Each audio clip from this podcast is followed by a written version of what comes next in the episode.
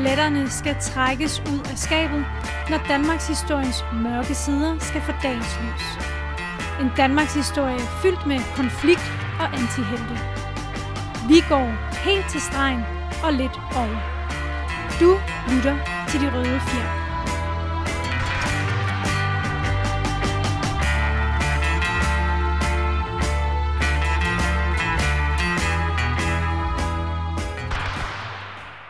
Første generation opbygger, anden generation viderefører, og tredje generation nedriver. Denne erfaring er gammel, men stadig gyldig. Nu er det sket igen. J. Laursen med over 14.000 medarbejdere er ødelagt af et enkelt slægtsleds svigt. 7 milliarder kroner er tabt på få år, og de ansvarlige JL-fonden frelægger sig ansvaret og sidder endnu. Rederiet er nu en skygge af sig selv. Milliarder af kroner er formøblet, mens værdinormerne er forvandlet til postulater. På blot 30 år nedrev tredje generation J. Lauritsen, som igennem 100 år voksede til en koncern med rædderier, værfter, industrier, ejendomme, olieinteresse og værdipapirer. Virksomheden blev skabt ved hårdt arbejde, prisbillige køb af nødlidende selskaber og sparsomlighed. Ledelsen havde mod til at gå imod strømmen og satse på det rette tidspunkt. Jeg er stolt af det, mine forældre har skabt, og det omdømme, de har opbygget gennem årtier, og deres gavmildhed, gavmildhed over for samfundets svage. Mors idealisme har været en ledestjerne. Hun har givet et eksempel til efterfølgelse. Mor frygtede, at vi kunne blive bugøjserløg, ødelagt af familiens rigdom. Hun fik ret. Velkommen til De Røde Fjer med mig, Kalle Kylmand og Andreas. Ja, Andreas, skal du sige hej til lytterne? Hej. Det citat, det citat, jeg lige læste op, er øh, af en fyr, der hedder Ole Lauritsen, som er den nuværende levende arving til det, der engang var Lauritsen, Lauritsen J. Lauritsen Imperiet. Det er, ja, du vil sige, øh, Andreas, siger det der overhovedet noget, når jeg siger Lauritsen? Overhovedet ikke. Nej, overhovedet ikke. Jeg har aldrig hørt om J. Lauritsen. Nej, okay, men J. Lauritsen var et kæmpe firma i Danmark. Og det mest interessant er det, at de var en af de absolut største rædderier og industrikoncerner i, øh, ja, i Danmark for omkring, ja faktisk 1. verdenskrig, til og med op til øh, starten af 80'erne. Okay. Og de havde en kæmpe rival, som de lå og sloges med igennem hele denne periode, netop vores allesammens Mærsk. Og jeg vil sige, Mærsk, Andreas, det må jo ringe en klokke, ikke? Dem har jeg godt hørt om. Ja, jamen, lad, lad, bare for god ordens skyld, øh, hvad, hvad tænker du, når vi, jeg siger Mærsk? Jamen, øh, jeg tænker, at øh, dem, der i realiteten øh, ejer det meste af Dan- den danske økonomi, og, øh, Og olien, ikke? og olien og øh, Coop-koncernen. Øh, er Ej, det er Dansk Supermarked. Og Dansk Supermarked, Ja, ja, det er den anden, Så ja. fødevare, og Ja. øh, så selvfølgelig er hele Rederi-koncernen, som, Ja. de, som de har, øh, også har jo, og som har meget, meget tætte forbindelser til rigtig mange partierne, også inde på Christiansborg. Ja, Så på den måde vil jeg sige, at Mærsk-koncernen er jo, øh, de er jo det- en af de reelle magthavere i det her samfund. der er nogen, der på et tidspunkt, jeg glemmer hvem, men der var nogen, der engang sagde, at Mærsk-familien er nærmest ligesom de kongelige. Ja. Forstår du, hvad jeg mener? De er royalty på sin vis. Men det her, kan man sige, den her, vores nye serie her, som jeg har kaldt øh, Rivalerne, skal netop handle om to familier, to generationer, to verdenskrige og to rædderier. Om de, altså henholdsvis Laurensens, J. Laurensens kamp mod Mærsk-familien. Og hvordan de to firmaer ligger og strides om, hvem skal være nummer et. Og som du lige så fint sagde, Andreas, så er vi jo godt klar over, hvem der vandt den kamp. Yes. og det er også derfor, jeg startede med at læse det her op af Ole. Fordi det er jo, om man så må sige, testamentet til mm. nederlaget. Selvom at, som man påpeger, kommer ødelæggelsen af J. Lauritsen indefra, og ikke fra Mærsk, skal lige påpeges. Mm. Øh, men det, det skal vi nok nå til, når vi kommer igennem serien. yes. Så nu tænker jeg, at vi skal begynde øh, ved begyndelsen, Andreas. Ja, men lige hurtigt, du Ja. sagde det her, det var Ole. Og hvem er Ole i forhold til hele J. Lauritsen? Jamen, Ole er den nulevende, hvad kan man sige, hovedarving. Okay. øh, på sin vis. Og, men vi skal nok komme til det, fordi så er han ikke arving alligevel, og bla bla bla. Det, altså, du skal forestille dig den her serie, Andreas, ikke? det er Dallas bare med skibe i Danmark. Okay. Vi taler rigtig meget øh, giftige familieforhold, og folk, der knipper udenom, og alt muligt pisser lort. Ikke? Ja, og containerskibe. Det, det, ja, og containerskibe. det er magt, det er politik, det er rigdom, det er skibe, det er rædderier, og så er det bare rigtig meget øh, gøjl. Okay, fedt. Det er derfor, vi skal have den her, øh, det der, så vi har, vi har jo lavet øh, erhvervshistorie før jo på de røde fjer. Jeg vil gerne tilbage til erhvervshistorie. Men der er også lige sådan en dimension af det her lige så meget, kan man sige, et familieportræt. Mm. Og jeg synes også, det er ret interessant jo ligesom at lave et familieportræt af Mærsk-familien. Ja. Fordi det ved folk jo ikke særlig meget om. Nej, og Mærsk er jo også en, som vi har, han har snedet sig lidt med ind i nogle af vores afsnit Ja, tidligere. han har især optrådt med, øh, lidt i skyggerne, ja. især med um, Augustoprøvet. Ja. Der, der spøgte han lidt ude i, uh, ude i kulisserne, uh, så jeg tænker, det er også fedt nu rent faktisk at fokusere på Mærsk og Mærsk, Mærsk-familiens historie, Ja, for at, uh, at få, ligesom få sat uh, for ordentligt belyst den, her, uh, den her meget prominente virksomhed. og ja familie. og som jeg tror, alle ved jo, hvem Mærsk er. Mm. Alle ved, logoet kender den der stjerne med de syv takker, ikke? og den Ja, blå ja. baggrund og sådan noget. Alle har prøvet at rejse i udlandet og se Mærsk-containere stå mm. de mest obskure steder rundt omkring i verden. Det er verdens største rederi med over 1000 sk- øh, containerskibe. Det er altså til at føle på, ikke? Under tiden kræver det lidt humbug at få folk til at tro på selv de bedste ting. Men her skal vi så begynde ved begyndelsen, om man så må sige, hvordan det hele startede. Men vi starter faktisk først med at præsentere Laurits-familien, som jo når er de jo, hvad skal vi kalde det, vores underdogs i vores fortælling her. Den øh, historien om Laurits-familien, der begynder i Ribe i 1859, hvor at øh, en fyr, øh, øh, der bliver født, der hedder Ditlev, han hedder Ditlev Lauritsen efter hans far, som hedder Jørgen Lauritsen. Jørgen Lauritsen, han har en øh, tømmerhandel øh, i Ribe, som øh, er, kan man sige, det er ikke et stort firma, eller du ved, det er sådan et stille og roligt middelt familiefirma, mm. om man så må sige. Der er måske en 10 ansatte, der fragter tømmer rundt omkring der til bygningsmaterialer i Ribe og den del af Jylland. Øh, Laura, øh, Ditlev der, han bliver først øh, dækstreng på en af farens. Han Hvad er har- det, et dækstreng? Jamen, en dækstreng, det er ja, en dreng, der går til hånden på et skib, ikke? Du okay. ved, vasker, vasker gulvet og... Øh, Men har hans far har han også skibe? Ja, nej, det har han faktisk ikke. Han leger bare skibe. Okay. Og du ved, han, han, ligesom han charger dem, som det hedder. Ja, ja. Hvor at, du ved, jeg, jeg skal have en, fra, en fragt øh, træ til Nordjylland eller et eller andet, og så kunne dit liv så komme med som øh, dækstreng. Hmm. Men det grinerne er, og det er ret interessant i forhold til vores videre historie her, det er, at han overhovedet ikke kan lide at sejle. Dit liv. Hvilket er dybt ironisk, da han bliver nærmest konge af dansk skibsfart Ja. senere i sit liv. Men det gider han ikke, så han kommer i land. Og så arbejder han faktisk som, øh, som arbejdsmand i fa- farens tømmerhandel. Okay. Og det er jo interessant det der med, at han ligesom han får lov til at prøve at have de nederste arbejds, kan man sige, opgaver i, i firmaet. Ikke? Ja. Det er også Øhm, lidt sjovt, at det er ud fra en tømmerhandel, at det øh, udspringer det her rederi. Ja, men, det, men vi kommer til det der lidt krynglede, krænglede historie, hvor, hvordan de kommer ud, ud i, i skibsfarten. Interessant er, kan man sige, at øh, i hele den her tid, der går øh, Ditlev, han går kun et, et halvt år øh, på handelsskole i København.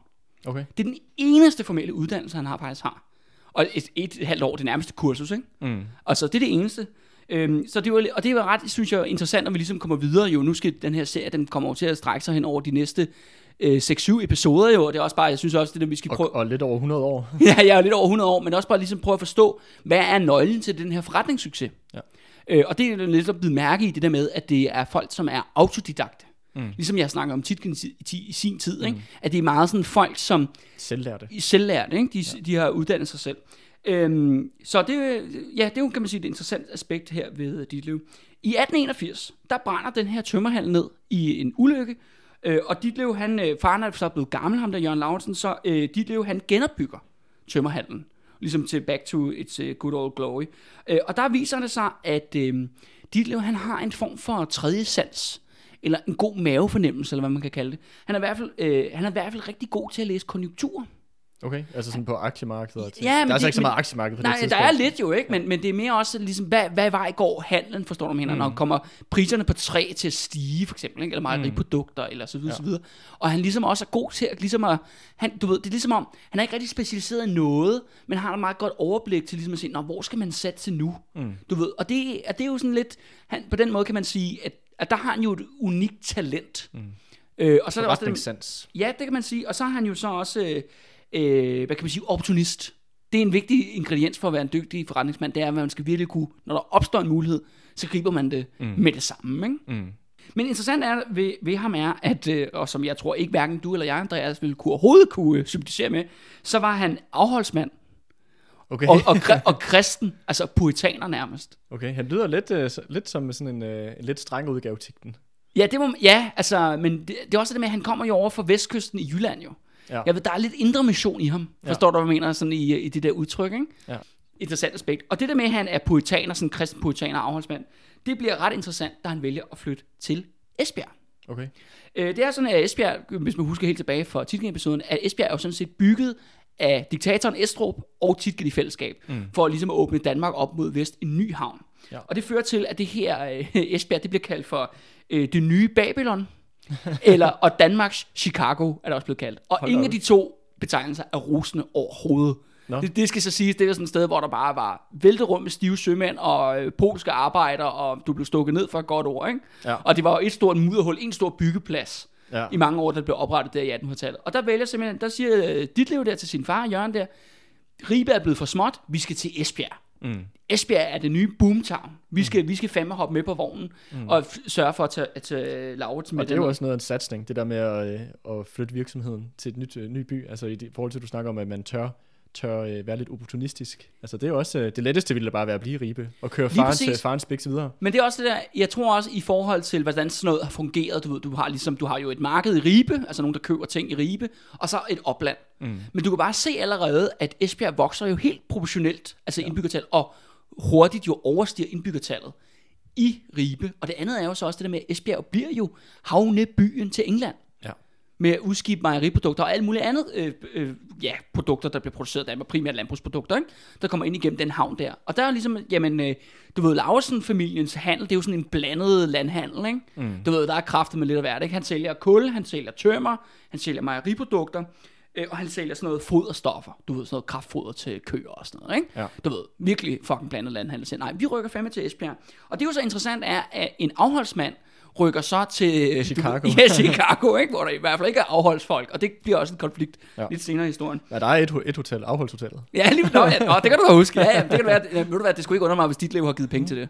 Fordi Sikkert. han, han gav nemlig rigtig mange penge til velgørenhed i byen. Så Ja, det, han, det kan jo godt være. Ja, ja. Der er en forbindelse der. Øh, men det sådan er, så kommer han så til Esbjerg der. Og, øh, og så bliver firmaet oprettet, og det kommer til at hedde J. Lauritsen. Ligesom firmaet faktisk hedder i dag. Og hvad står J'et for? Jamen, det står faktisk for Jørgen. Altså faren. Nå, Og det er fordi, at åbenbart var der en lov om dengang, at man skulle være fyldt 25 år for at oprette sit eget firma. ja. Og øh, interessant nok, Ditlev, han var kun 24, da det, det her firma blev oprettet. Så han blev nødt til at oprette firmaet i sin fars navn, selvom faren ikke havde en skid med det at gøre. Han blev altså hjemme i Ribe. Ja. Nu kørte Ditlev sit eget game der i, øh, i Esbjerg, ikke? Mm-hmm. Og, øh, og det går pissegodt. Altså forretningen går strygende fremad. Men han løber ret hurtigt ind i problemer. Altså, ud kan man sige, det der bliver den store forretningsting, det er især danske mejeriprodukter, der skal til England. Og det skal så ja, sejles fra Esbjerg. Problemet er bare, at den fragt, altså de skibe, der sejler til England, det er DFDS. Og ved du hvad... DFDFDS. Ja, ved du hvad det er, Andreas? Nej. Nej. Det står jo øh, for Danmarks Forenede Damsels, øh. Okay. Øh, og hvem tror du, der er ejer af det? Jeg har lyst til at gætte på øh, Tigten. Det er netop lige præcis Titgen, Ja. der er det. Øh, og Titgen skal vi huske her, altså ja, skulle sige, min, øh, min gamle man crush, altså han er jo kejseren af dansk erhvervsliv, øh, ja, kongen, kejseren af finans i Danmark. Stormogulen, som jeg tror, Stormogulen, ja, ja. Stormogulen der. Øh, og, øh, og det er sådan her, at Titgen har en masse forretninger, og han sejler selvfølgelig på Esbjerg der. Problemet er bare, at når Lauritsen for eksempel, når han har en helt pakhus fyldt med mejeriprodukter, der skal til England, så kan DFDS der godt finde på at sige til ham, du hvad, det er bare ølgrævling, alle vores skibe er fyldt. Hmm.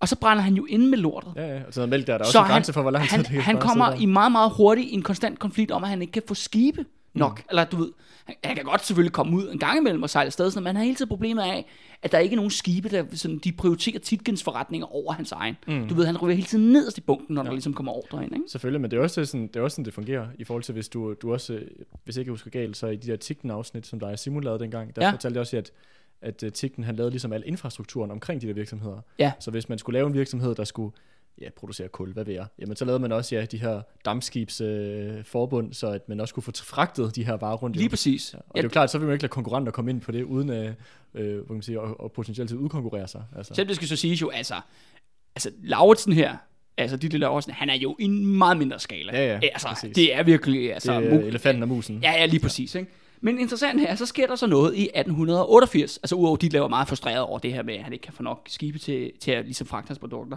Der kommer der en øh, sømand, sparker døren ind en dag, en kaptajn, der hedder øh, Søren. Øh, ja, lad os bare kalde ham Søren. Eller han hedder Søren. øh, øh, og det grinerne er, at han er en, øh, en skipper fra Fanø. Men han har allerede på daværende tidspunkt sejlet to skibe i sænk. Nå, okay. altså han er, simpelthen, han er simpelthen gået ned med to skibe i forvejen, men altså overlevet begge gange. Ja. Og han kommer altså væltende ind til dit liv og siger bare sådan, vi to, du skal købe et skib til mig. ja, og det er bare sådan, ved du hvad, jeg, jeg elsker dit CV, selvfølgelig. Ja, selvfølgelig. selvfølgelig får du et skib, det er da klart. Jamen, det, og, jeg ved ikke, og det er jo så det der, hvor det ligesom fortaber sig lidt i tårerne. Men der siger bare sådan, han kommer væltende ind og siger, ved du hvad, du skal købe et dammskib, som jeg skal være kaptajn på. Og han siger bare, skide god idé, mand. Gør han det? Ja, det gør han. Og det er, fuldt, og det er super random, at han gør det. Altså, det er virkelig, altså, fordi du skal også tænke på, at dit liv ved ikke en skid om søfart. Nej, Du ved, han er jo en købmand i land jo. Han Ja, ved noget om det der. han kan ikke? engang lide at være på havet. Ja, og han bliver åbenbart overtalt, jeg skulle sige, jeg ved ikke, jeg skulle sige, det var nok en brænder, men det var det så ikke, fordi han var afholdsmand. skulle Ja, lige men det kan være, at Søren var fuld i hvert fald. Det ved jeg, I don't know. Men han får simpelthen overvist, om man skal købe et, øh, et, et dammskib, og, øh, det, og det gør han jo så også, fordi han, okay, han, ligesom, det kunne være meget fedt at eje sit eget skib, så vi ligesom kunne sørge for, at det bliver fragtet, så vi ikke var afhængige af titlen mere. Mm. Problemet er bare, så de køber det skib, fordi han ikke ved en skid om det. Så køber han den største skrotbunke, der hedder Uganda, som er sådan et skib, der er lavet over i England. Ikke? Mm-hmm. Og det der, der er bare ikke det, der ikke er galt med det der skib der. Men ham der Søren, pisse fedt, det gør vi, og komme ud og sejle sådan nogle ting. Og ved du hvad, Andreas, der går lige præcis tre måneder, så sænker skibet. så har Søren der fandme sunket endnu et skib, ikke? Så ikke alle mit slagskib. Øh, det interessante er så bagefter at sige, det var jo en mildstalt en katastrofe af en begyndelse på øh, J. Lauritsen rædderierne. Jeg tænker også, at sådan et skib der, uanset om det er det værste skrotbunke, man har købt, er jo nok ikke helt billigt. Nej, nej, nej, ja, det Altså, kostede er jo en stor investering, kunne Ja, ja, ja, det kostede jo øh, en, øh, en, jeg tror 50.000 kroner i daværende tid. Det er jo, det er jo under, omkring et par millioner, ikke? Ja. øhm, i dag. Øhm, men, en, men det her skal, skal siges, at Lauritsen der, han er jo meget sådan, øh, han er jo fornuftig forretningsmand, så han har sørget for, at det der skib var rigtig godt forsikret. Ja. Så han får ligesom en masse penge, og der begynder han så at blive rigtig varm på det der med ideen om skibsfart. Og siger, om det er jo egentlig, på trods af, at Søren han sænkede det der skib der og sådan noget, så havde han jo egentlig fattet det rigtige. Det kunne jo egentlig være meget fint jo egentlig at have sin egen flåde, ikke? Så vi køber et nyt skib til Søren. ja, lidt skib til Søren. Men det fører så til, at et par år efter, i 1890, der tager han simpelthen til København. For, fordi han netop vil have et kæmpe lån i en af bankerne, til ligesom at købe nogle, øh, et skib for. Altså begynde at opbygge sin egen flåde, så han kan begynde at sejle ud fra Esbjerg. Mm-hmm. Og der går han selvfølgelig til The Bank Number One i København. Er det privatbanken? Det er netop Privatbanken. Tigtens Bank. Tietgens Bank. Øh, Og der kommer han ind, og der får han selvfølgelig, hvad hedder det, The Golden Treatment. Du ved, han kommer ind på direktørens kontor, han får en cigar, han får tilbudt noget cognac, han siger nej til, men ellers er det rigtig...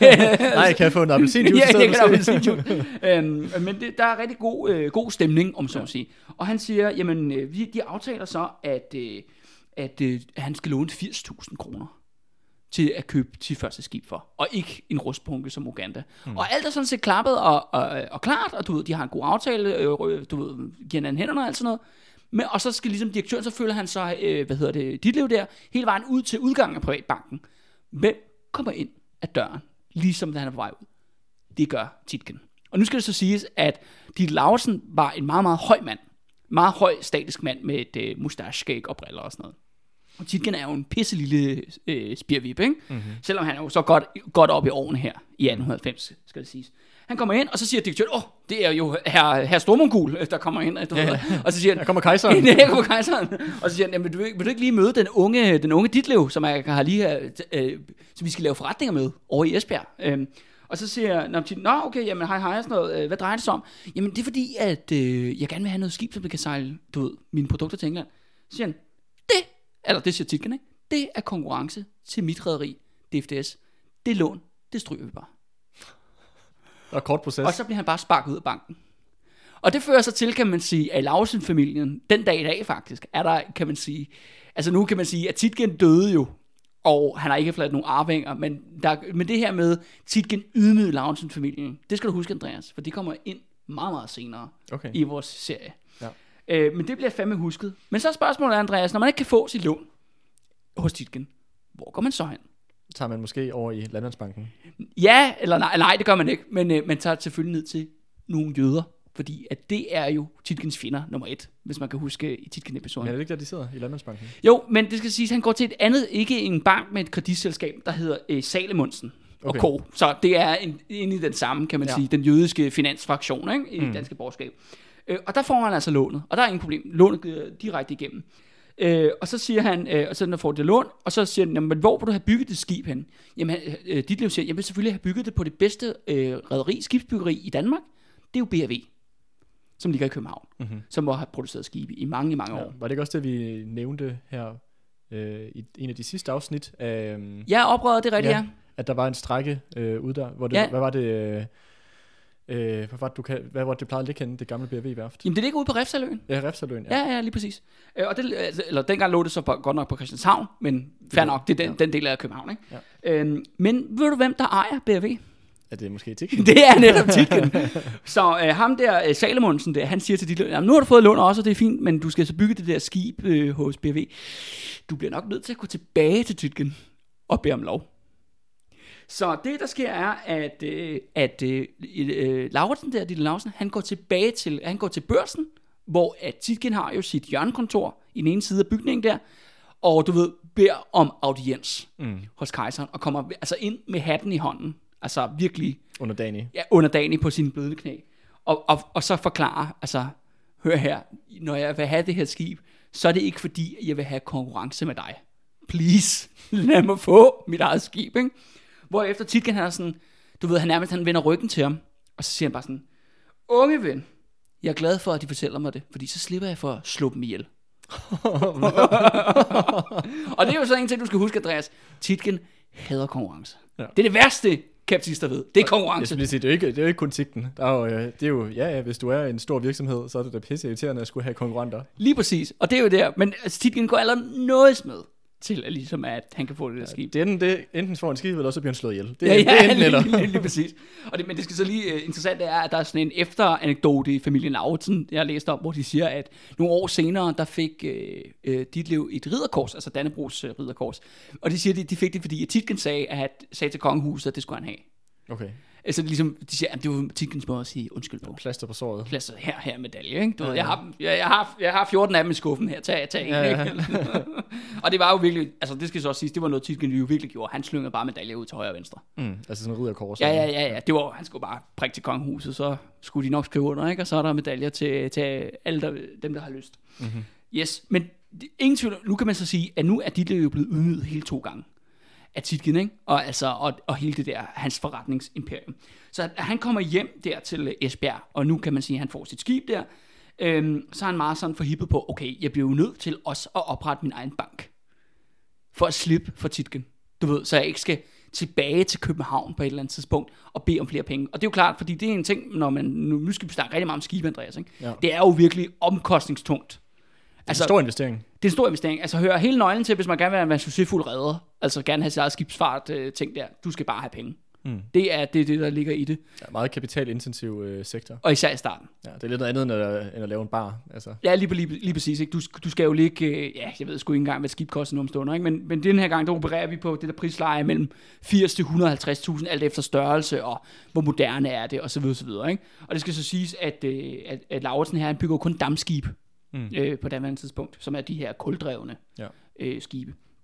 Så, så i 1891, der beslutter han sig simpelthen for, at øh, vi skal, Lauritsen skal skulle have sin egen bank. Så han opretter en, det, der hedder øh, Esbjerg Fanø Banken. Ja. Og det interessante er, at han er ikke alene. Han, ligesom han går rundt der. Det skal så siges jo, at Lauritsen er jo blevet mere og mere den store kanon i Esbjerg. Mm. Du ved, han er mere og mere, du ved, uofficiel bykong Mm. i den der by. Og han er jo fat i nogle andre forretningsdrivende i, øh, i byen der, og siger, vil du alle gå sammen og lave en bank. Øhm, og, øh, og, det, øh, og det gør de så, og det bliver en kæmpe succes. Og så starter han så det her, sit første rederi, som kommer til at hedde Vesterhavet. Det er det, der senere bliver til J. Lauritsen rederiet. Mm. Og som faktisk stadigvæk findes den dag i dag. Det er også lige vigtigt at prøve Okay, så det er ikke, fordi det er fuldstændig kollapset. Ja, vi, vi skal jo nok forklare, hvordan det fanden det gik så galt, ikke? Men mm. det er jo, en, altså Lauritsen familie, det er en historie om storhed og fald, Ja. om så må sige. Øh, men det starter altså der, Øh, og, øh, og så begynder han jo ligesom, hver gang, så har han jo stadigvæk sin landhandel. Og når en del af forretningen ligesom boomer, for eksempel, lad os sige, øh, foderstoffer, jamen så bliver det udskilt, og så, bliver det, så opretter han en fabrik til det, for eksempel. Og så bliver det sin koncern, forstår du mere? Så der, det bliver sådan en kæmpe koncern af på vand og på land, Mm. hvor alt sammen er ligesom, ja, knyttet i hans person. Mm, hvor han sidder der i, som, øh, som centrum i Ja, lige præcis. Og det han jo egentlig gør, han, han gør det, der hedder, han diviserer sin forretning. Det der med, at man lægger sine investeringer ud på mange led i forsyningskæden. Mm. Ja. Og det, på den måde kan man sige, at han kopierer jo fuldstændig det, titlen gør. Ja. Eller havde, havde gjort på det her tidspunkt. Bortset fra, at det er en mindre skala, og det er en meget sådan lokal esbjergsk Ja. vers- version af det her. Ikke? En interessant, er, en interessant ting er, at han jo ligesom, når man så bliver sådan en stor kanon i sådan et sted, jo, så bliver man jo sådan en go-to-guy, mm. hvor man ligesom kontakter, hvor folk kontakter en. Og det fører også til, at han bliver fransk konsul. Nå. Øh, og en konsul, ved du, hvad, hvad det er, øh, Andreas? Ja, det er ikke, øh, altså, hvis, øh, lad os sige, at der er nogle franske virksomheder, der gerne vil have et eller andet, øh, lave et eller andet i Esbjerg. Ja. Så, så, så er han øh, kontaktpersonen, der ved, hvordan de kan komme ind på det på markedet og etablere en, Ja. en virksomhed. men, det er sådan, men det er sådan en officiel titel, man faktisk får den franske stat. Ja, Og, og det fører til, at han bliver fransk konsul, og derfra bliver han bare kaldt konsulen. okay. Og ved du hvad, det synes jeg også, vi skal fortsætte med. Lad os da gøre det. Så vi ligesom lidt, fordi der, kommer, der er en del, der kommer til at hedde Lauritsen her i, øh, i vores historie, så det er meget sådan fint at sige, jamen så kalder vi dem ved deres øgenavn, Ja, konsulen, ikke? Ja, ja og det, okay. det, det er også en interessant ting, jeg har opdaget ved at gå i gang med det her projekt her, det er, at jeg har opdaget, at åbenbart øh, inden for skibsfart, der er det der med øgenavn, det er vildt populært. det. Ja, Øh, I forhold til alle de her redder, fordi alle Mærsk-familien folk har også øgenavn. Okay, det er glædet mig til Så, øh, så de kan hedde noget forskelligt. Så, Så så for nu, se. er- for nu er så hedder Ditlev, han hedder så konsulen. Konsulen, yes. Ja. Bare kendt som konsul. Og bare, lige hurtigt, sådan, Ja. hvordan, øh, nu begynder ham her konsulen i Esbjerg og, øh, og ja, imitere det, det samme, som Tigten gjorde øh, Ja. i sin tid. Hvordan øh, bliver det opfattet over i København af folk som Tigten? Sidder han bare på hænderne og lader det ske, eller? Ja, men det er jo det der med, at lige så snart at han har fået den der bank, så lige pludselig er han jo meget mere uafhængig. Ja. Og så kan han jo ligesom også få lån der til, øh, til at udvide sin flåde jo. Mm. Og på den måde kan man sige, at, og det skal også siges jo, at Titgen, altså han bliver jo mere og mere faktisk opslugt af at bygge den der fucking marmorkirke. Som, ja. som vi skal snakke om på et helt andet tidspunkt. Ikke? Ja.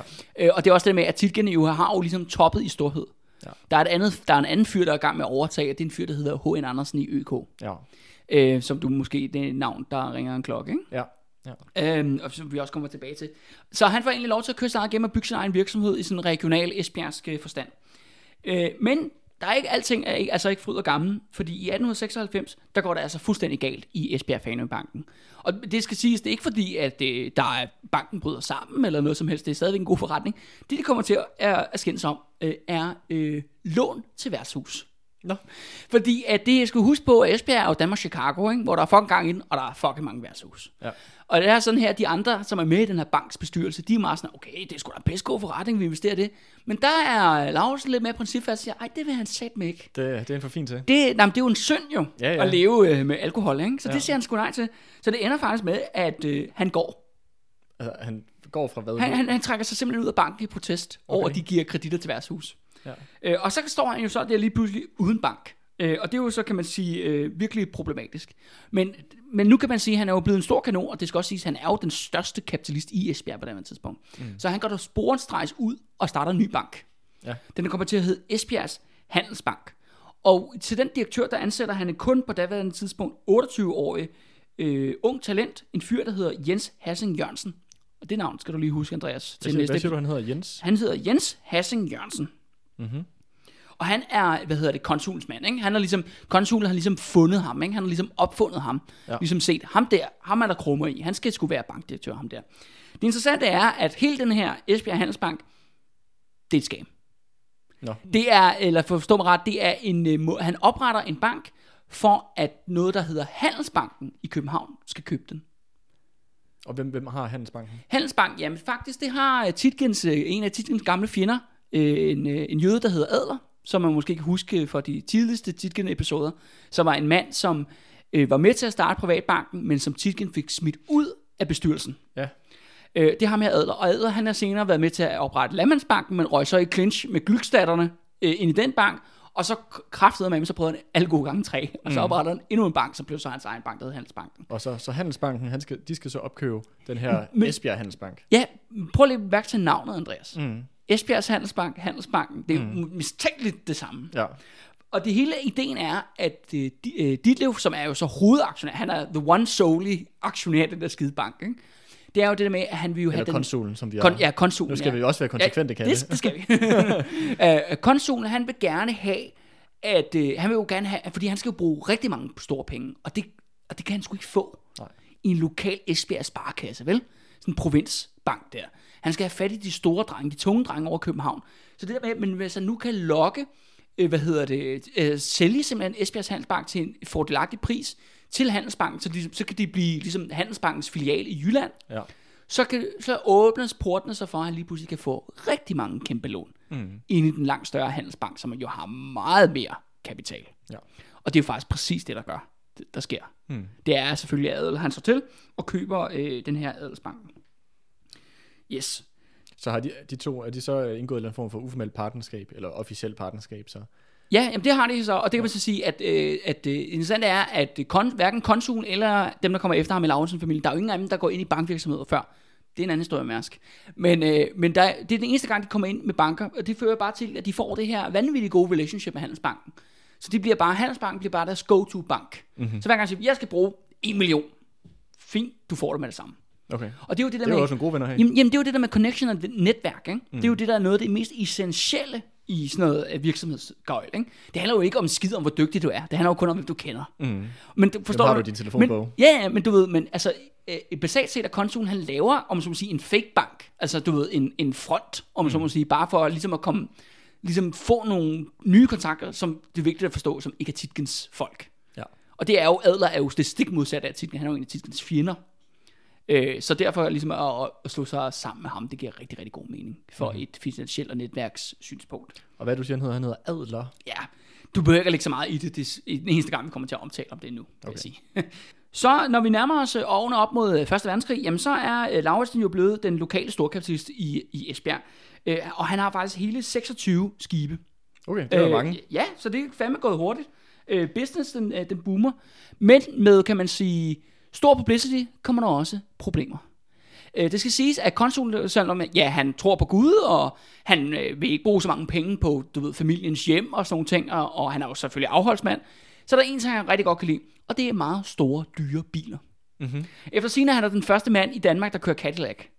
Ja. Så altså, han får altså, importeret nogle meget, meget dyre biler, og har sådan en bilsamling, Ja. som man er rigtig glad for, og den fiser han så rundt for i Esbjerg. Og det går jo ikke længe, før at det ligesom tiltrækker sig noget negativ opmærksomhed. Mm. Og det interessante er faktisk, at det er vores, øh, jeg skulle sige, gamle venner, slash fjender måske, hos Socialdemokratiet. Øh, og faktisk den avis, der var i Esbjerg, som du nok kan huske fra auguståret, den der hedder Vestjyden. Ja. Altså her omkring øh, i starten af 1900-tallet, der har øh, øh, Vestjyden en redaktør, der hedder Sundbo, og han har et horn i siden på Lauritsen. Fordi at for det første er Lauritsen den største arbejdsgiver, og han er den største kapitalist Ja. ja. i Esbjerg. Og han er også en blærerøv Ja. med de der, de, de der biler. Hvis han bare det mindste kunne gå stille med dørene, Ja, altså, lige, lige, lige præcis. Være lidt nu tvinger han også jo næsten til at kritisere dem, hvis han bare viser sig på den måde. Lige præcis. Og det fører faktisk, at de to, øh, de bliver mere eller mindre fjender, øh, åbenlyst. Hvor at øh, Sundbo, han bruger øh, ja, Socialdemokraten der, Vestjyden i Esbjerg, til at køre en hets og kampagne mod Lauritsen. Hmm. Og, ligesom, og det, det interessante er, at det er jo en antikapitalistisk kampagne. Ja. Og til sidst ender det med, at der er noget med... Der er, langt, der er langt fra dengang til nu. Lige, lige præcis. Ja. Ja. det må man sige. Men det er bare lige værd at bemærke også, fordi Ja, at var vi... det ikke her for nylig, at øh, Mette Frederiksen holdt tale til, øh, var det det? Dansk Industris øh, store årsmøde? Ja, ja, Tiderne skifter. ja, tiden skifter. Men ja, så bare sige, altså her er der sgu en øh, redaktør, der kører sådan en øh, ja. rigtig antikapitalistisk kampagne mod Laura, eller mod, de, mod konsulen helt specifikt, ikke? Øh, det interessante er, at det ligesom, det når nye højder, der, der øh, konsulen en dag kigger på sit regnskab, og konstaterer, at øh, puha, jeg betaler alt for meget skat. Mhm. Jeg gider sgu ikke betale skat mere. altså her i byen, kommunen. Han, han går det, han går op og beder om basalt set at uh, få et uh, nedslag i kommuneskatten. Ja. Det, ham der Sundbo, det sætter han selvfølgelig på lige med det samme, og siger, mm. okay, nu kan I bare se, hvor fucked up og nederen han er, og bla bla bla. Og så er konsulen nærmest sådan, ja, noget, han burde forlade byen, sådan noget, siger Sundbo i nogle af sine, du ved, ledere og artikler. Og så siger konsulen, må du være du, jeg tror sgu, jeg tager dig på ordet. Så han vælger simpelthen at flytte hele forretningen til København. Nå, så er han færdig med Vestjylland. Ja, og det interessante er, at han siger jo selv, at han, øh, da han flyttede til, fra, altså fra Esbjerg til København, øh, til Hellerup mere specifikt, øh, der sparer han hele 66% i skat. 66 procent. Ja, og det skal siges, det må være kommuneskatten. Øh, Ja. Det er fordi, det skal siges, at dengang blev man meget mere beskattet gennem kommunerne. Det gør man sådan set jo stadigvæk den dag, dag i dag jo. Ja. Det er jo ikke staten, der får det meste af det, du betaler skat. Det er faktisk kommunen, der får øh, bruderparten, ikke? Ja, og så bliver det så fordelt også. Ja, ja, så gør det, ja, det gør det, ja. Men, nå, ja, det er jo ikke fordi, det, Anyway, Ej, nu skal, det vi, nu skal vi snakke kommunepolitik. Velkommen til Røde Fjerde, din øh, skatteøkonomiske podcast. Så kommunernes landsforening, de... Øh, ej, hør, jeg har ikke engang styr på meget skat. Det, lad, os, lad, os ikke, lad os ikke gå derud. Det må, det må nogle andre lave men noget. øh, det har konsulen, han har styr på sin skat. Ja, ja, tydeligvis. Og det interessante er faktisk, at lige så snart han har skrevet for Esbjerg, så fører det sig til, at alle i kommunen, altså Esbjerg Kommune, de oplever, en, at skatten bliver sat op på 2 kroner. For okay. alle, fordi han forlader byen. Øh, og det interessante er, at de 2 kroner på daværende tidspunkt, det svarer til en halv øh, dagsløn for en ufaglært, ufaglært arbejder. Okay, det er Så det er en noget. kæmpe, Ja. kæmpe skattesmæk. Eller sådan, øh, så det har virkelig nogle øh, konsekvenser. Men det interessante er jo faktisk, at han bliver jo faktisk mere eller mindre jaget ud af byen jo. Igennem den her kampagne. Øh, og du ved også det der med, at Esbjerg var blevet for lille til ham. Ja. Og hans imperium. Så han vælger sådan strategisk at flytte til, til København. Mm. Øh, og til Hellerup og bosætte sig der. Og, øh, og der efterlader vi ham indtil videre. Okay, hvilke år er vi nu i her? Nu er vi faktisk i 1914. 1914, okay. Så, Ja, så nu øh, første verdenskrig er lige på trapperne. Ja. Øhm, ja, men så husk også 26 skibe. Det er Mhm. mm-hmm. måske også lige værd at understrege. Intet dyr er så vildt som en borgerlig med angst for sin penge på.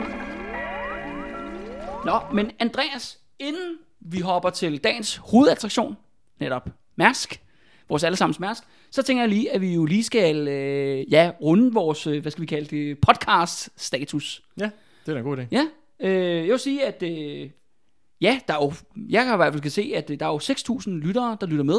Så det er jo virkelig kanon. Vi har haft en fuldstændig eksplosiv øh, lyttertilgang her på det sidste. Ja, velkommen til. Ja, velkommen til. Fedt, fedt at kunne komme. Ja. Øhm, Godt, at, godt at høre. ja, ja, se jer, hvad det vil sige. ja, ja, ja, det gør vi så ikke noget af. Øh, og så skal også siges, øh, vi har jo så øh, 49 folk, der donerer penge til os inde på øh, tier.dk. Rigtig mange tak for det. Jeg vil også bare øh, gøre opmærksom på, at øh, fordi der er faldet nogle stykker fra her, at, øh, men, fordi at omkring den første, hvis man nu får nyt dankort, så stopper ens tierbetaling. Øh, så jeg vil bare sige, at hvis man stadig gerne vil øh, du ved, donere penge til os, og man tilfældigvis har fået sig et nyt dankort, så kunne man måske lige tjekke, om, øh, om, man, ja, om man lige genovervejer, om man vil øh, gå ind og tilmelde sig igen. Mm-hmm. Øhm, og så vil jeg også bare sige, altså i forhold til de her øh, økonomiske donationer, det betyder faktisk øh, virkelig meget, det har vi snakket om før, men i faktisk især til det nuværende projekt, fordi det har, fra min side har det mere eller mindre udviklet sig til et øh, helt mini forskningsprojekt. Og det kommer især til det, vi skal snakke om lige lidt, det er netop i forhold til Mærsk jo. Mm. Øh, fordi at, hold nu kæft, hvor er der meget hemmelighedskrameri omkring dem. Og heltebiografier, og er der bare sådan, ej, altså man burde jo fyre samtlige journalister, der nogensinde arbejder på børsen. Hold nu kæft, de skriver godt nok historieforfalskning på fuld smadret derinde, for, for at please, for at please Mærsk-familien. Ja. Øhm, og det er jo også det, det interessante er jo, Andreas, at, øh, at øh, jeg var også sådan lidt øh, frygtet også lidt at gå i gang med den her serie, fordi Mærsk er jo notoriske for, at de øh, værner om deres omdømme. Ja. Så jeg vil også bare sige, at øh, skynd jer at donere penge, så mig og Andreas kan betale vores advokater, når, når, vi, øh, når vi ligesom kommer ind. Ej, Og de ikke opkøber Pottybeam og lukker os ned. Eller, Ja, eller, ja, ja, ja, jeg tror ikke, at det går så galt. hvad. Jeg tror ikke, det går så galt dog. Øh, Og jeg vil også bare sige, hør her, altså hvis man hedder Lausen til efternavn, så kan man, sgu, man kan sagtens donere 10 1000 kroner per afsnit øh, inde på tier.dk. Og hvis man hedder Mads til efternavn, så kan man sagtens donere 10.000 kroner per afsnit. Så hermed rækker vi hånden ud til, øh, til familierne og siger, ved I hvad? Vi laver faktisk gratis slægts- slægtsforskning for jer. Ja, lige præcis. Ikke? Har I lyst til at høre om jeres egen historie på en øh, frisk og radikal måde, så, så gå ind og, og, og stik os en skav. Det kunne være super fedt. En hver idiot kan være alvorlig. Men det kræver talent og begavelse at være morsom. Men lad os så komme til dagens hovedattraktion, vores allesammens Mærsk. Mm-hmm. Øh, og den ydmyge begyndelse. Øh, ja, øh, alting, det her starter jo et sted, Andreas, og for Mærsk familie, der starter det faktisk på Rømø, så vi er jo faktisk, ligesom med Esbjerg, vi er sådan over i den del af Jylland. Nå, det Øh, åbenbart. Øh, sjovt. ja, ja, det er meget tilfældigt, og der er faktisk en række, kan man sige, sammenfaldspunkter mellem de to familier. Øh, men der begynder det med, at øh, i 1838, øh, 1836, undskyld, der bliver Peter Mærsk Møller født. Øh, han er ligesom øh, konsulen faktisk dybt religiøs. Ja. Også, han er også afholdsmand. Hvilket er interessant. Men han, men han er, vil sige, han er lige en tak mere religiøs end konsulen. Øh, og det har han faktisk også en rigtig god grund til. Fordi at han, er, han kommer der fra Rømø, og han er ude i sådan en lang skiberfamilie. Mm. Du ved, alle mændene i familien har sejlet. Og alle mænd er druknet på havet.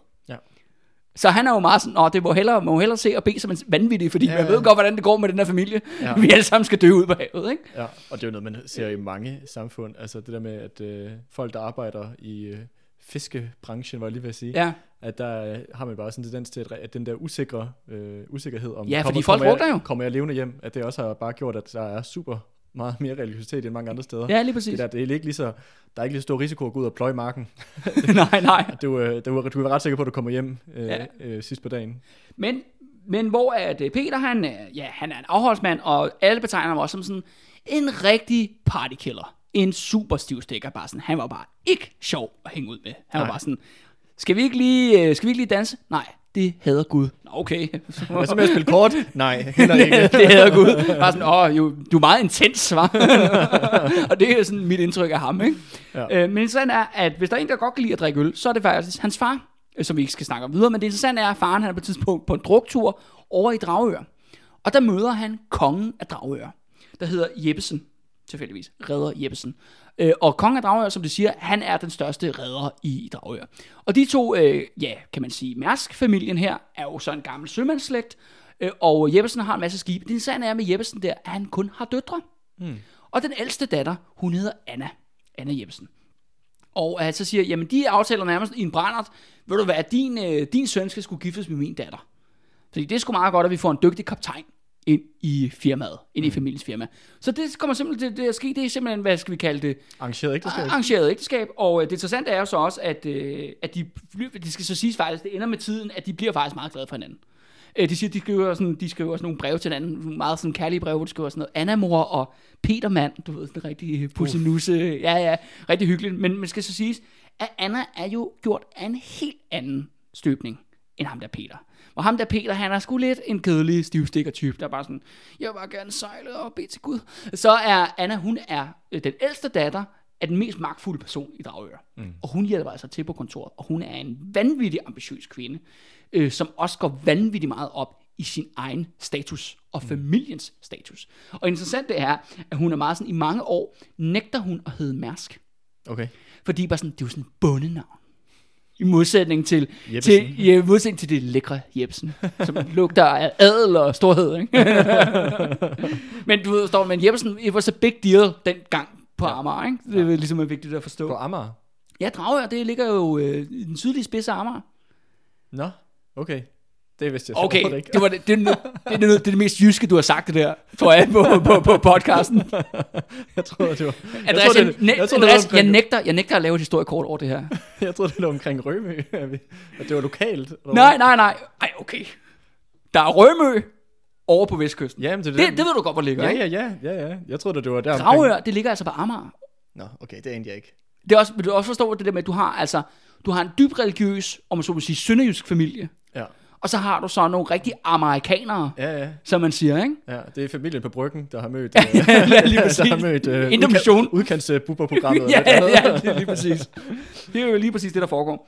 Ja. Øh, og de to er så gift. Øh, de bliver faktisk gift i 1864. Det interessante er, at så vil, siger Petersen, vi skal bo på Rømø og, og gå i kirke hele tiden. Men problemet er, at så taber Danmark krigen i 1864. Og så lige pludselig ender Rømø jo i Tyskland. Mm. Øh, så hvad gør de? Ej, så flytter de sgu til Dragør i stedet for. Ja. Og der er det jo sådan, at øh, det går rigtig godt, men det er klart nok, at i hele resten af familien, fordi datter, eller Anna har mange, hvad hedder det, søstre, og de bliver gift med alle mulige andre skibere.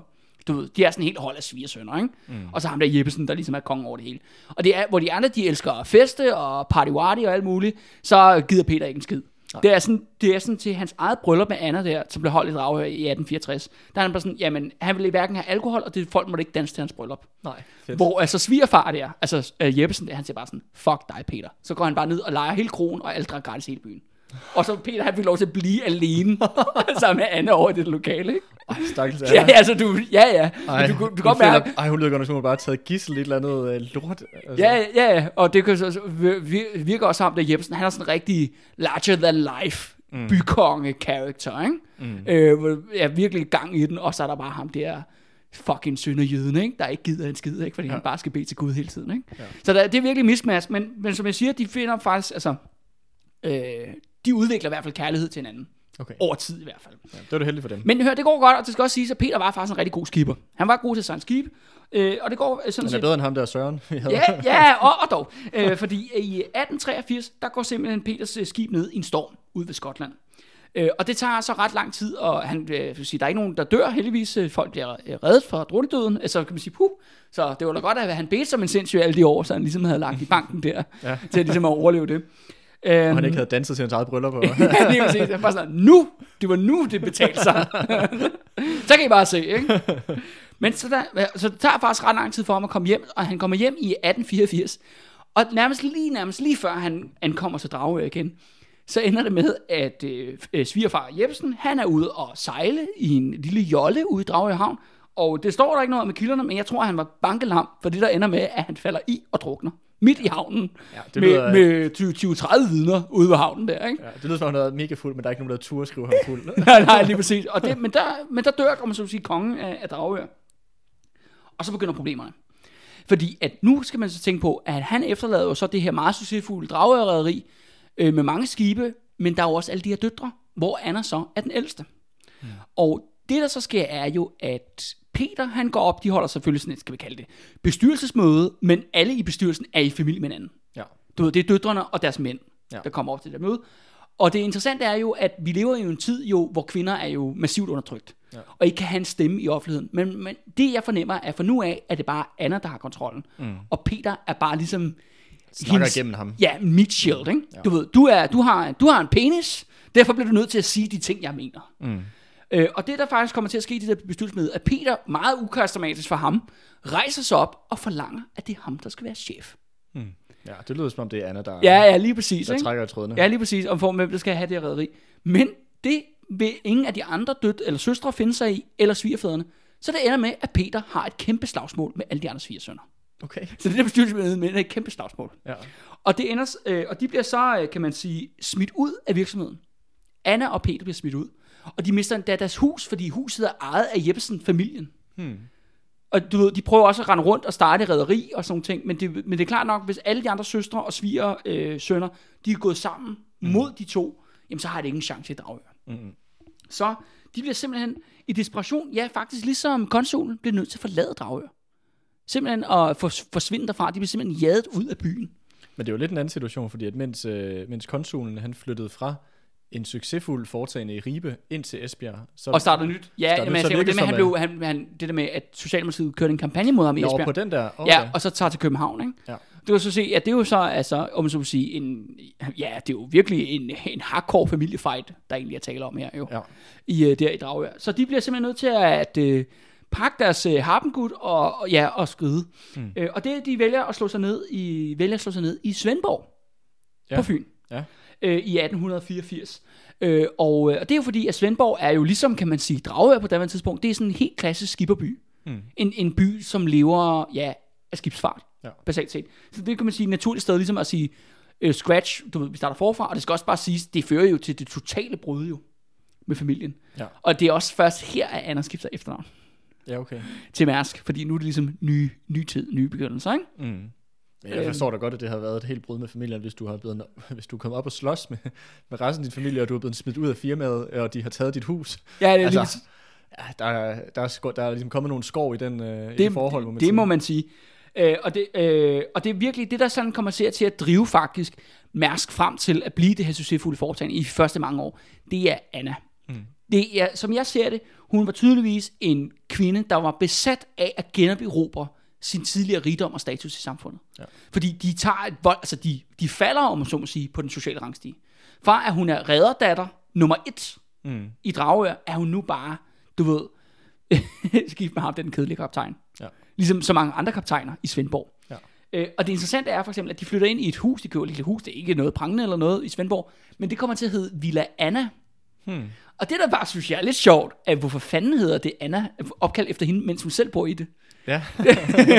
Hun har haft noget ego. det, det, det, skal siges, at det der, det her er Villa ejer stadigvæk af Mærsk-koncernen. Nå, Den er stadigvæk i, sådan i egen, familiens ejendom, ikke? ja, okay. Øh, men det siger, jeg tror måske, det mere er et monument til Annas ego, at, øh, at hun det vælger at, kalde det, øh, vælger at kalde sit eget hus for sit eget navn. Ja. Men, og det, man kan se ret hurtigt, er, efter de kommer til Svendborg, at Peter han bliver altså sendt i byen med alle mulige projekter, i basalt set om, at de skal starte deres eget rederi. Mhm. Øh, og det han slår fast, øh, Peter, og det, igen, det er ikke Peter, der snakker, det er Anna, der snakker, men at de skal have dammskibe til Svendborg. Men det er, er alle, ligesom andre, der ligesom er i den der business i Svendborg, de er kæmpe modstandere af. De vil jo kun sejle med sejl. Altså de gamle old school øh, både der. Lige præcis. Okay. Hvad er det deres øh, modstand går ud? Er det Jamen, ved du hvad, Andreas, jeg er selv lidt svært ved at forstå det. teknologiforskrækkelse? Ja, ja, fuldstændig bare sådan noget, jamen, ja, der kommer røg ud af det skib, det brænder jo, eller du ved, eller ja. et eller andet. De, altså folk i Svendborg, og øh, det skal også siges, det er sådan generelt også sådan Ærø, Tåsing, hele det der øh, søfartsmiljø i det område, den der del af det syd, sydfynske øhav, på sådan noget, vi sejler med sejl, det har vi altid gjort. Mm. skal ikke komme her med de nye idéer og sådan nogle ting. Ja. Øh, og det viser sig, at, øh, at, Peter, han siger, jamen hør, vi skal starte, vi skal sgu da have dammskib. Vi skal have dam, det er jo helt nye her i, du ved, i 18, 1884, ikke? Det er det helt nye. Vi skal sgu da dammskib i, i Svendborg, og vi skal være ligesom alle de andre moderne skibsfartbyer. Nej, niks. Han får ikke ben til jorden. Øh, og han bliver bare nødt til ligesom at arbejde for andre, du ved, blive ansat som kaptajn, og så ja. sejle skib rundt. Øh, og der kan man sige, der når de virkelig familien et, et nyt, altså et lavpunkt, kan man sige, mm-hmm. i, i familiens historie. Og det interessante er, at øh, øh, dengang har man også en tradition for, at en gang imellem på nogle af de her sejlager, så tager man sin kone med ud at sejle. Ja. Øh, og så på et tidspunkt er det så ude at sejle i den her periode, øh, og så bliver Anna meget, meget syg. Og faktisk tæt på at dø af den her sygdom, ombord på det her skib. Hvad er det for en sygdom? Det kan da ikke bare være, at hun er søsyg. Nej, nej, nej, men det, det er lidt uklart. Der står bare alvorligt syg, men hør, det er 1800-tallet. Folk ved ikke, hvad de fejlede. Nej, okay. du ved, altså hør, øh, snaps var medicin, ikke? du ved, altså det skal ja. ikke, øh, det, det, Det går jeg som helst. ja, hun fik et lille befindende, ikke? altså, øhm, og, men, og ligger der og har det meget, meget dårligt. Og så går historien på, at på daværende tidspunkt, der gør, hvad gør Peter? Han gør jo selvfølgelig det eneste, han tydeligvis skal finde ud af gennem hele sit liv. Han beder som en fuldstændig sindssyg. Han går simpelthen ud på dæ- dækket og beder hele natten. Øh, som, en, som en fuldstændig vanvittig, mens hun ligger dernede under øh, i kahytten der og, Det er og også meget ikke? federe, så behøver man da ikke uh, tage sig af og skulle sidde og holde ind i hånden. Nej, men nu Altså, kommer så pointen, Andreas. Historien er så, at lige pludselig, så er der helt mørkt. Du ved, mørke skyer, der dækker himlen. Men lige pludselig, så bevæger skyerne sig. Og lige pludselig, så blinker der en flot, hvid stjerne med syv takker. Og uh. derfor er det uh, Mærsks øh, logo den dag i dag. Det er Det stjernen. er et religiøst, vanvids fatumorgana. Som Peter, han så, så, og som der så går ud fra, øh, jeg vil gå ud fra, at Anna, hun ikke dør her. Ja, ja, det er rigtigt. det var til klimaks. Ja, og så døde hun. og så døde Anna, og så blev det logoet for koncernen. Men ej, hun overlever selvfølgelig.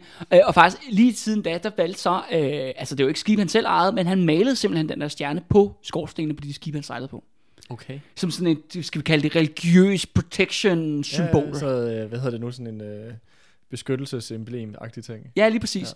Ja. Øhm, og det er jo bare meget interessant det der med, at nu ser man jo det der fucking Mærsk logo over det hele, over hele verden hele tiden, og det der med, at det faktisk har en religiøs Hmm. betydning og historie, Ja. det tror jeg, de færreste er klar over. Ja, det er Eller man tænker, man, eller man forbinder Mærsk med, med religion i det hele taget, tror jeg.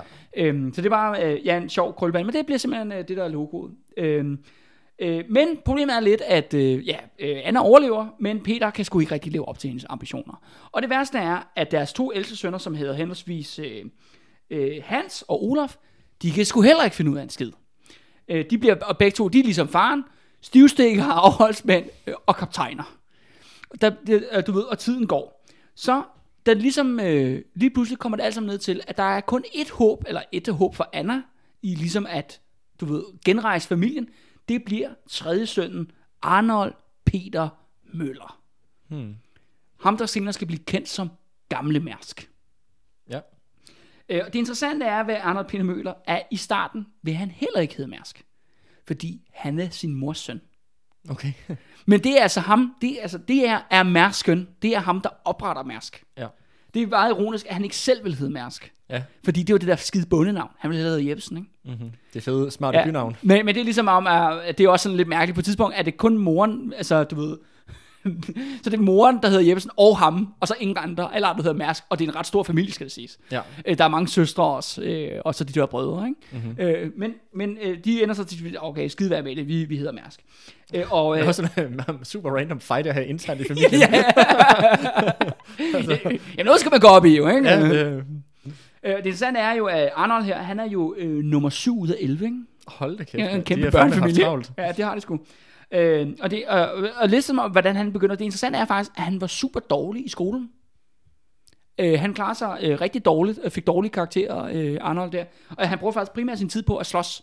Nå. For det skal siges, at han er jo faktisk født i Dragør i 1876. Okay, så han flyttede med dem. Da Ja, da og tog- så, det, da de tog kommer, så de til- kommer der til Sydfyn, der taler han jo, øh, ja, amerikansk, han taler jo københavnsk. Ja, han snakker, han snakker fjollet. Ja, ja, det synes de der fynboske drenge i hvert fald, så han skulle bare, han tævede bare løs. Det, det, det er hele hans skoletid, det er bare, bare tæve de der lokale fyn, fyn, fynbo drenge, ikke? Ja. Okay, det går rigtig dårligt i skolen, hvad fanden gør man så? Øh, man har jo allerede to, hans to storebrødre er allerede gået ind i skibsejlads, og siger, okay, måske var der, at vi skulle prøve noget andet. Så man sender ham i kø, øh, købmandslærer først i Sorø, øh, hvor det går rigtig godt. Han viser sig faktisk, at han har for talent, altså for forretning, planlægning, statistik, regnskab, alle de der sådan meget, meget kedelige ting. Mm. Det fører til, at øh, faren kan få øh, igennem nogle kontakter, han har over i England, sende ham over i lære i et, øh, ja, et, i et rædderifirma derovre fra. Og det er ikke også lidt den tur, som Tigten tog? Ja, han var også over i lager i uh, Ja, hvor lige, og lige se, hvordan de bedste de gjorde det. Ikke? Ja. Det fører så til, at han så senere øh, får sådan en rigtig, kan man sige, hvad skal vi kalde det, underchefstilling i det, det hedder Dansk-Russisk Dampselski- Dampskibsselskab. Ja, meget ordret. Ja, puha. øh, som lå i det, der hedder Königsberg dengang. Ja, over i det gamle, nu, nuværende Kaliningrad. Ja, ja, lige præcis. Ja, derovre på... Ja, ja, Mellem, mellem Polen og Litauen. Ja, lige præcis. Og der viser Arnold sig, hvem han egentlig er. Øh, Arnold, han slår mig som, du ved, der er den her bestemte, kan man sige, management-type i store erhvervsvirksomheder. Du ved, dem der er sådan rigtig spidse albuer, der skal fremad. Mm. Du ved, de er bare sådan, du ved, lidt fuck alt og andet, så længe det bare går fremad for mig, ikke? Og du ved, sådan nogen, der arbejder som vanvittige, Ja for at, ligesom at komme fremad. Øh, og det slår øh, mig af Arnold der. Han er også, det skal siges, han er benhård, og han, altså, han har stedighed, og han har vilje, ikke? Øh, og så har han jo bare sådan virkelig, altså øh, en, hvad skal vi kalde det? Han arbejder som en, som en gal for at opnå sit mål. Mm. Øhm, og det, øh, og det er meget ambitiøst, lød det til. det er meget ambitiøst, og det er på den måde kan man sige, at han er jo virkelig sin, sin mors søn, altså mm. Anna her, ikke? Øh, og, og er han også, har han fået noget af sin far i forhold til det der med afholdenhed og Nej, det, der? det er han Okay. ikke. altså det skal siges, det er jo ikke fordi, han er kendt for øh, nu, altså han drikkede, super, drak super meget eller noget, det er ikke det, historien Nej, er på. Men det skal siges, han er hverken religiøs, eller han er heller ikke afholdsmand. Nej, okay. Altså han er business, business, business. Ja. Det er det, er det der Arnolds øh, Så, fortsæt. så sådan set, det er meget sjovt, at så i forhold til, at han har været så meget hans, hans øh, mors søn, så er det både symbolet, altså det med stjernen fra hans far, og Ja. efternavnet, farens efternavn, det er det, der ligesom har sat sit præg på Ja, det er jo det, der egentlig er mærkeligt, ikke? Ja. Det er jo egentlig de der kvinder, egentlig. Kvinden der, som egentlig er den, den dominerende skikkelse i Mærsk mm. begyndelseshistorie, ikke? Mm. Men Arnold der, han sparer sig sammen, mens han arbejder derovre i Königsberg. Så han har sådan mindre, sparer en 50.000 kroner sammen eller sådan noget, ved at arbejde sindssygt hårdt. Og så i 1903, der vender han simpelthen tilbage til, øh, til Danmark. Han, får, øh, han bliver simpelthen headhunted, som det hedder, til et rederi, der ligger i Han København. havde der- en super god LinkedIn-profil. Og så Ja, jamen han havde bare, det, det spillede bare for ham. Han bliver headhunted til noget, der hedder CK Hansen, som var et rederi, der fandtes dengang, det findes ikke mere. Det blev faktisk opkøbt af Mærsk. Okay. På et senere tidspunkt. Nå, Anyway, yes. Der starter han der, øh, men hvad år er vi i nu, siger du? i 1903. Okay. Og vi begynder også at komme os op til, øh, Ja, ja. jeg vil lige sige nutiden, men til, hvor, hvor, Ja. hvor, hvor vi efterlod konsulen. Ja, lige præcis, og Lauritsen-familien der, ikke? Ja. Ja, så han, øh, og han har en aftale med de der CK Hansen, hvor han siger, jamen jeg, jeg styrer en masse skibe, altså han er jo sådan en, du ved, han har jo aldrig været ude at sejle i sit fucking liv jo. Han er sådan en administrator, mm. der sidder på sådan et kontor, ikke? Så siger, jamen jeg kan styre, jeg laver selvfølgelig arbejde, passer mit job hos jer, men jeg skal også have lov til at prøve at starte mit eget rederi. Og så siger, det er fint nok, hvis du kan overleve. Og det der så sker er, at de næste mange år, at Arnold lever konstant på farten. Han er hele tiden i rejse mellem Svendborg og København, konstant. Mm. Og arbejder for to selskaber på en gang. Du skal prøve at forestille dig, hvilken sindssyg arbejdsbyrde han kaster sig ud Det lyder øh, helt, helt vanvittigt, og jeg kan godt forestille mig også, at, øh, at, at pendle mellem de to byer. Det var jo fucking besværligt. Ja. Ja. Du skal tænke på, at han skal jo for det første er der kun toget, for det andet, så skal han jo sejle over Storebælt. Præcis. Ja. Det har taget en fucking krig. Ja, ja, så, men det, sådan lever han. Altså han lever i en togvogn, om så man sige, øh, de næste øh, par år frem. Øh, og det der med Svendborg, det er jo det helt store sats jo netop for at, ligesom, at virkelig gøre øh, morens drøm, jo, som så også er blevet Arnolds drøm, kan man sige, at netop at få det her rederi. Øh, og det man øh, simpelthen gør, at øh, faktisk at damerne, altså Anna her, og øh, hvad hedder det, Arnolds søster, der hedder Hulda, de laver en kæmpe kampagne i Svendborg, hvor de faktisk går rundt og banker på samtlige døre i byen, og spørger, om folk ikke har lyst til at tegne et aktie i det nye rederi, Svendborg, som skal være et dampsil- dampskibsselskab. Uh. Du er et moderne skib. Og det kan folk ikke lide i Svendborg. Det kunne jeg godt Det forestille mig. er jo fuldstændig sindssygt at sejle, men ikke med sejl. Det er sådan, det, hvordan kan det lade sig- hvordan kan Du det vil sejle på et skib, der brænder. ja, ja. Selvfølgelig vil jeg ikke investere i det. Nej, jeg tror du er idiot. Det er fuldstændig vanvittigt. Men det skal så siges faktisk, at jeg tror, at den her, kan man sige, dør-til-dør kampagne, det gør, at man lige kan skrave nok penge sammen til at faktisk at købe sit, øh, sit første skib. Øh, og, det der med, og der kan man så se det der med, at Arnold han ligger så en strategi, som, øh, som Mærsk sådan set har fortsat den dag til i dag. Det er det med, at man er meget skeptisk over for at gå ud og låne penge i bankerne. Mm. Det er fuldstændig stik, stik modsat af konsulens øh, game, faktisk. Ja. Øhm, han er meget sådan, jamen vi, vi sætter penge til siden, når det går godt, og så bruger vi dem, når det går dårligt. Mm. Det er sådan den strategi, og også det med, at han er meget sådan, vi skal ikke, altså vi skal have fast udbetaling til vores aktionærer, du ved 3% hvert år, eller hvad fanden det nu er af de aktier, de har, men aldrig mere end det. Mm. Fordi der er nu, I dag ser man jo masser af firmaer, som du ved, du ved, så boomer det på børsen, og så udbetaler de 10% eller 20% eller mm. et eller andet fuldstændig vanvittigt. Sådan, Ej, det Det gør man ikke i Mærsk. Ja. Vi, vi sparer op, Mm, når det går godt. Ja, og det er også det der med, øh, det der med omhu, som de har sagt, rettidig omhu, omhu, ja. som Mærsk-koncernen er så kendt for. Ja, ikke? jeg skulle lige sige, det slogan, som jeg tror næsten alle de har hørt. Ja, lige, lige præcis. Og det kommer så også ud i den her periode, det der med, at de skal købe det der første skib. Og det sandt er så, at han køber så et, øh, et skib, som de så også kalder Svendborg, skal siges. Og det køber han så af ja, nogle britter, øh, der laver skibe. Øh, Og så går historien på, at de har skrabet 150.000 sammen til at købe det her første skib. Og så skal han ligesom, alting er klar. Og så, du ved, så skal han skrive under. Og så siger det bare sådan, så får han faktisk, hvad kan vi kalde det, the shakes, han får sådan et mere nervøst anfald, ikke? Fordi nu er det bare sådan, hele hans liv, og moren, der bare puster ham i nakken, og alt det der massive pres, det der med, okay, nu er det, nu er det fucking nu, mm. hvis du I skal genrejse øh, Mærsk-klanen her, ikke? Og så siger, øh, ja, så siger øh, historien går på, at sælgeren siger, gør som de vil, herr Møller, men husk, at den, der nøler, har tabt. Hmm. Og så skriver han så under. Og det gør jo også det der med, at der kommer ligesom det der, det opportunistiske ind i det.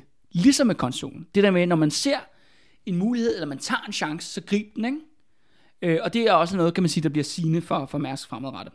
Så de kommer, de får deres skib, det bliver dammskib, øh, men selvfølgelig er der også sige, at mange af, kan man sige, af byens bedre borgerskab der i Svendborg, de er selvfølgelig med i mere eller mindre, altså større og mindre aktieposter, og de er super skeptiske omkring det der skib. De ja. kan ikke lide det der dammskib. Så de er bare sådan, hvad fanden er der foregår? Men Arnold han er bare sådan, hør her, der er bare styr på det, det er helt, helt fjong. Han siger, ved du hvad, vi gør Hans, min storebror, til kaptajn på skibet. Fordi han, vi er dygtige sømænd i min familie, mm. og så videre. Super, Ham kender jeg, ham kan jeg ham, ham kender vi, ikke? Altså, du ved, ham, det er ham stivstikkeren, ikke ligesom hans far, ikke? Mm. ikke ligesom mig, du ved. Men og så ender det så med, at Hans, han tager faktisk øh, skibet her på sin første rejse. De skal til, med kul til Kronstadt, Ja. øh, over i Rusland. Øh, Det er jo øh, lige omkring St. Petersborg. Ja, lige præcis. Og så det går rigtig fint. Men så på vejen hjem, faktisk i, i, ved København, der går det galt. Der kommer Hans til at sejle et sejlskib midt over. Nå, for fanden. Han kom brager ind i det der skib. Shit. Fuldt, altså det skal siges, der er heldigvis ikke nogen dræbte. Men, øh, Det men lyder da rimelig voldsomt. ja, ja, det lyder med, de, han simpelthen fuldstændig torpederer et andet skib. Øh, og det er jo fuldstændig katastrofalt, fordi det viser jo så, at alle borgerne i Svendborg har ret jo. Det er, at de der dammskib er jo djævelens værk. Så det, og, det, og det er jo virkelig problematisk, også fordi det er jo Hans Mærsk, der er kaptajnen på skibet. Altså ja. familie, altså det er Arnold, der har skrevet pengene sammen, du ved, det er ham, der er chefen, og så er det Hans, der sejler. Det er, og det man så vælger at gøre i Mærsk familie, man bare sådan, vi holder kæft. Hmm. Der er ingen, der behøver at vide, at på jomfru-rejsen, så smadrede vi et andet skib med vores dammskib. Hvad med, hvad, hvad med det andet skib, han ødelagde? De, øh... Jamen det var sådan en, øh, du ved, mindre skoller, som det hedder. Du ved, sådan en lidt større sejlbåd, der tilfældigvis sejler rundt øh, ude ved København, og så lige pludselig kom der bare der, Okay, der så det var, ikke, fordi, det var dampskibfarerne. ikke fordi, det var deres, øh, deres gamle families, øh, resten af deres rederi, de lige Nå, du, siger, du er lige så, åh, oh, det skulle hjemme familie. Vi, vi, vi, vi sejler direkte, sejler direkte ned.